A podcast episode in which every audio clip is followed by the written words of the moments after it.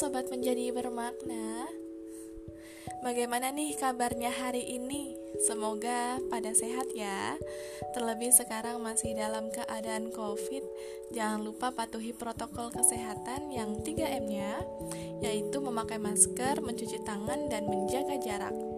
Oh iya, gue juga mau bilang makasih untuk para pendengar podcast menjadi bermakna. Semoga bisa terus konsisten dalam menebar virus menjadi bermakna. By the way, kalian pada tahu gak nih apa yang akan gue bahas di podcast kedua menjadi bermakna? Yap, seperti judul di awal podcast ini, yaitu membenci bukanlah solusi, beri ruang memaafkan karena hati butuh ketenangan. Kira-kira apa ya maksudnya gitu? Membenci bukanlah solusi. Sebelum kita masuk ke pembahasan, gue punya cerita yang berkaitan dengan pembahasan kita jadi begini ceritanya. Tahun lalu, kalau nggak salah di bulan November, terus gue lagi ada tugas UTS fotografi waktu itu. Nah, kalau tugas fotografi di jurusan DKV itu mesti punya kamera buat motret. Dan waktu itu gue nggak punya kamera. Nah, di, di peraturan tugas fotografi itu nggak boleh pakai kamera handphone dan kata dosen gue kalau misalnya nggak punya kamera pinjem sama kamera eh pinjem sama temen yang punya kamera gitu. Tapi sebelum itu gue udah udah nyari di internet tempat penyewaan kamera cuma mahal harganya nggak bisa dipakai. Nggak bisa nyewa dalam sekali aja gitu gue mesti dua kali kan Nah gue bingung dong mau minjem ke siapa gitu. Udah gue udah pinjem udah coba pinjem ke temen SD SMP dan lain-lain gitu. Tetap tetap gak ada yang punya kamera.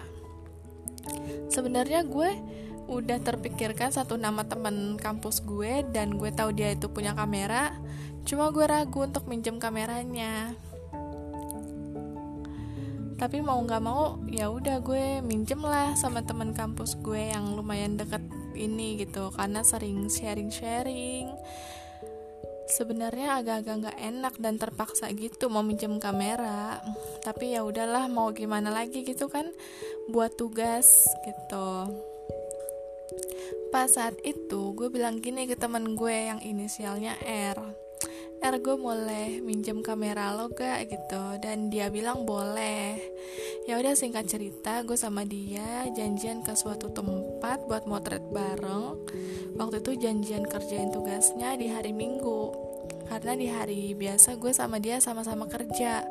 Dan kalau di minggu selanjutnya itu udah terlanjur deadline gue waktu itu bingung banget karena di hari itu adek gue juga akekah dan gue sama keluarga gue disuruh di rumah dulu ikut acara akekah gue bilang ya maaf ma aku nggak bisa.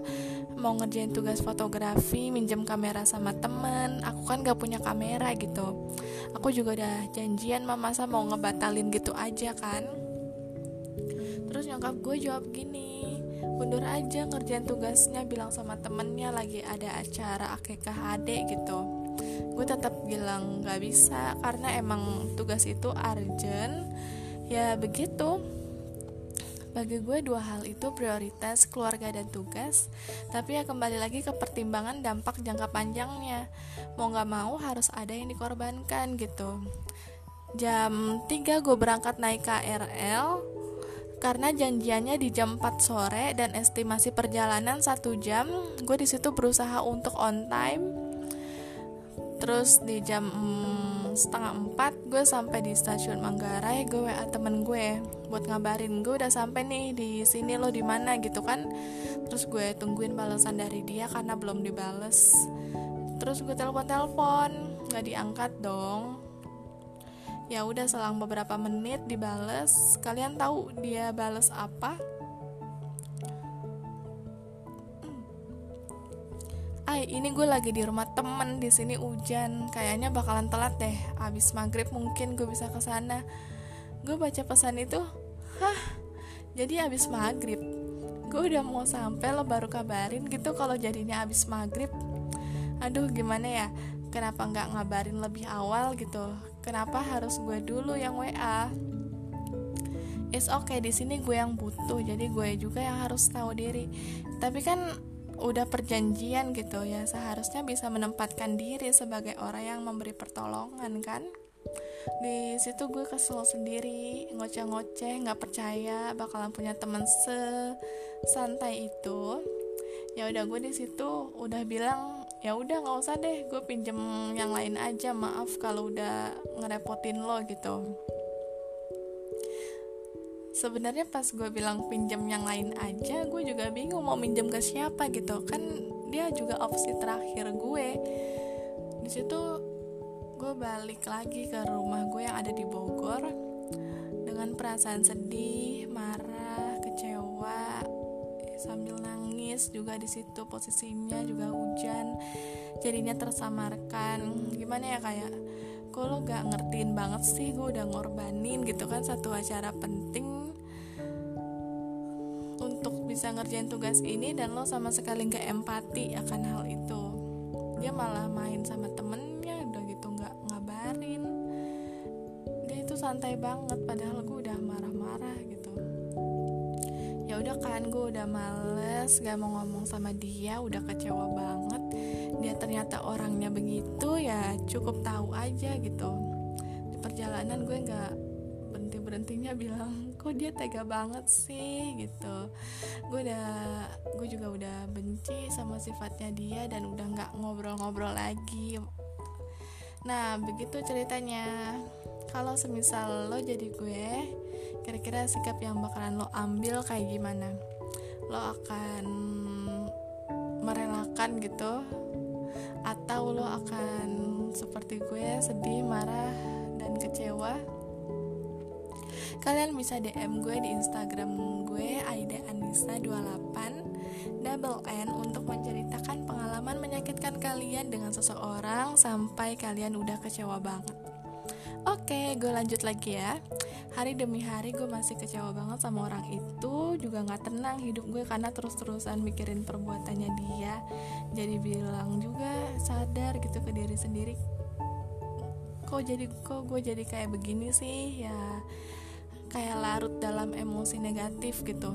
Waktu itu gue ya udah janji sama diri gue sendiri kalau gue bisa menyeles menyelesaikan tugas gue dengan jalan keluar lain dan I sure I sure that innallaha mana gitu. Allah bersama kita. Kalau diingat-ingat juga ya jadinya sedih dan lebih nggak percaya sama orang yang udah kita percaya tapi malah mengecewakan. Ya namanya sama temen kan nah pas lagi marah-marahnya gue ingat hadis nabi yang bunyinya begini di dalam diri setiap manusia ada segumpal daging. Apabila segumpal daging itu baik, maka semua anggota tubuh akan baik. Apabila segumpal daging itu buruk, maka semua anggota tubuh akan menjadi buruk, buruk pula.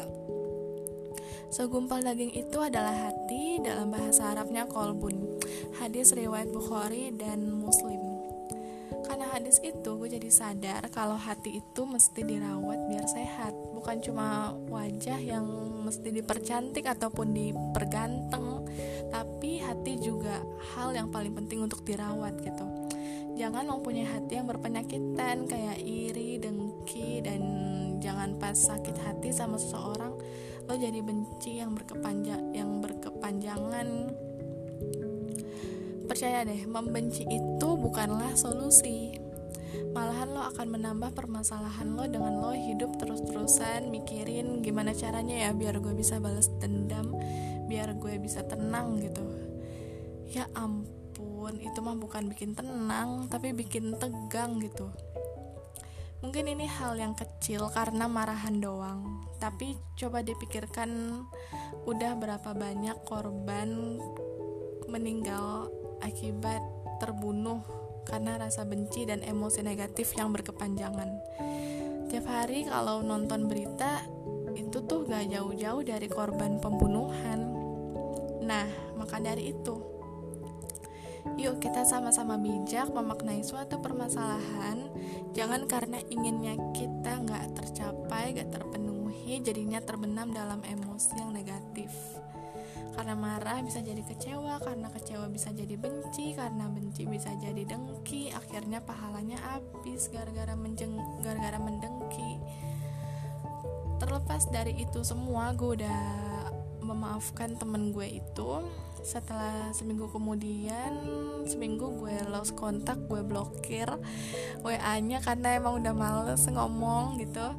Terus baru sebulan udah sebulan ya udah gue buka blokirannya. Gue ngobrol-ngobrol lagi deh. Ya udah udah udah calm down gitu. Sebulan lama juga ya. Ya karena emang sakit hati banget gitu. Dan karena memaafkan itu hati gue jadi jauh lebih tenang dari kejadian itu gue mencoba ambil hikmahnya yaitu gue tambah menjadi orang yang solutif dan mengenal bentuk emosi dalam diri gue juga cara mengendalikannya gitu because setan itu suka kalau ngelihat orang marah-marah karena orang yang marah-marah mudah untuk dipengaruhi Terlebih kita jadi gak bisa berpikir jernih dalam suatu permasalahan itu perlu yang namanya berpikir jernih untuk bisa menemukan solusi. Lagian juga kalau ekspektasi nggak sesuai dengan faktanya, ya jangan khawatir, toh masih ada jalan yang lain gitu. Pokoknya selama Allah masih memberi nafas, selama itu pula Allah masih memberi kita kesempatan untuk berusaha. Dan remember sebelum kita minta tolong sama manusia minta tolong dulu sama Allah itu yang lebih utama.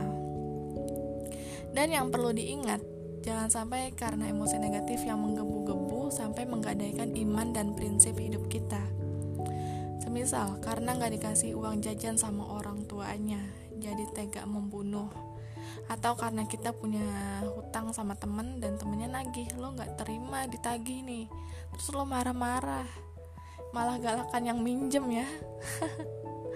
Eh jadinya malah terjadi hal yang gak diinginkan Nauzubillahimin zalik ya harus banyak-banyak istighfar juga. Kalau kalian lagi dalam keadaan marah, kecewa atau emosi negatif lainnya gitu lagi marah coba cara ini. Yaitu kalian pejamkan mata hitung 1 sampai 10 kembali lagi ke satu terus kalian senyum cara yang kedua kalian rilesin dulu diri kalian. Kalau cara yang pertama ini nggak berhasil kalian rilesin dulu diri kalian. Jangan ngomong apa-apa dulu ke orang yang buat kalian marah. Gue biasanya gitu gue jamin dulu orangnya. Setelah beberapa jam beberapa hari kemudian nunggu calm down gitu. Nunggu calm down. Karena kalau ngomong kita kan nggak tahu gitu ucapan apa yang akan keluar. Bisa jadi adalah ucapan yang bisa bikin orang sakit hati. Nah jamin dulu orangnya dan rasakan dengan hati dan pikiran yang jernih. Kalau udah tenang udah calm down nih lo coba ngomong ke orang itu secara baik-baik masalahnya apa dan solusinya apa. Biar sama-sama tenang bersikap terbuka dengan orang yang buat kita marah itu menenangkan. Biar sama-sama tahu oh lo sakit hatinya karena ini. Oh lo gak terimanya karena itu gitu. Coba diomongin baik-baik. Gue yakin kalau itu kalian terapin pasti bisa menjadi kan hubungan pertemanan kalian jadi lebih sehat. Gak ada unek-unek gitu istilahnya kan? Gue juga mau kasih tahu kalau kita harus marah dan orangnya emang udah karakternya begitu sulit diubah no problem juga lo me, lo memilih untuk membatasi komunikasi interaksi dengan dia atau apa pun yang berhubungan dengan dia. Karena orang yang kamu evaluasi dari kesalahannya walaupun lo udah evaluasi dia bahkan sampai berulang-ulang kali tetap diulang-ulang juga kesalahannya ya malah jadinya orang itu toksik buat lo tinggalin aja kesal tinggalin aja orang yang seperti itu. Kesalahan yang dilakukan secara berulang-ulang akan menjadi karakter. Karena orang yang seperti itu cuma bikin capek hati dan pikiran lo doang. Jadi begitu ya kalau orangnya salah dan lo marah terus orang itu setelah kalian bicara baik-baik mau berubah evaluasi itu lebih baik untuk kalian daripada harus marahan atau saling membenci dan kalau orangnya tidak mau evaluasi terus luput dari kesalahannya emang karakternya begitu batasi aja interaksinya gitu. Akan jauh lebih menyehatkan mental lo. Oke sobat menjadi bermakna untuk menutup podcast kedua gue ini Gue punya quotes dari tokoh pendiri Muhammadiyah yaitu Bapak almarhum Ahmad Azhar Bashir Mudah-mudahan quotes ini dapat menjadi perefleksian diri kita dari pembahasan membenci bukanlah solusi Beri ruang untuk memaafkan karena hati juga butuh ketenangan Ada beberapa jenis kemarahan, namun kemarahan yang paling indah adalah kemarahan terhadap kebatilan. Ada beberapa jenis cinta, namun cinta pada kebenaran adalah cinta yang paling indah. Kalau kalian merasakan kebermaknaan dari pembahasan podcast kedua gue ini, silahkan di-share ke teman-teman, saudara, atau siapa pun relasi kalian agar manfaatnya nggak berhenti di kalian aja. Terima kasih sudah mendengarkan. Salam menjadi bermakna.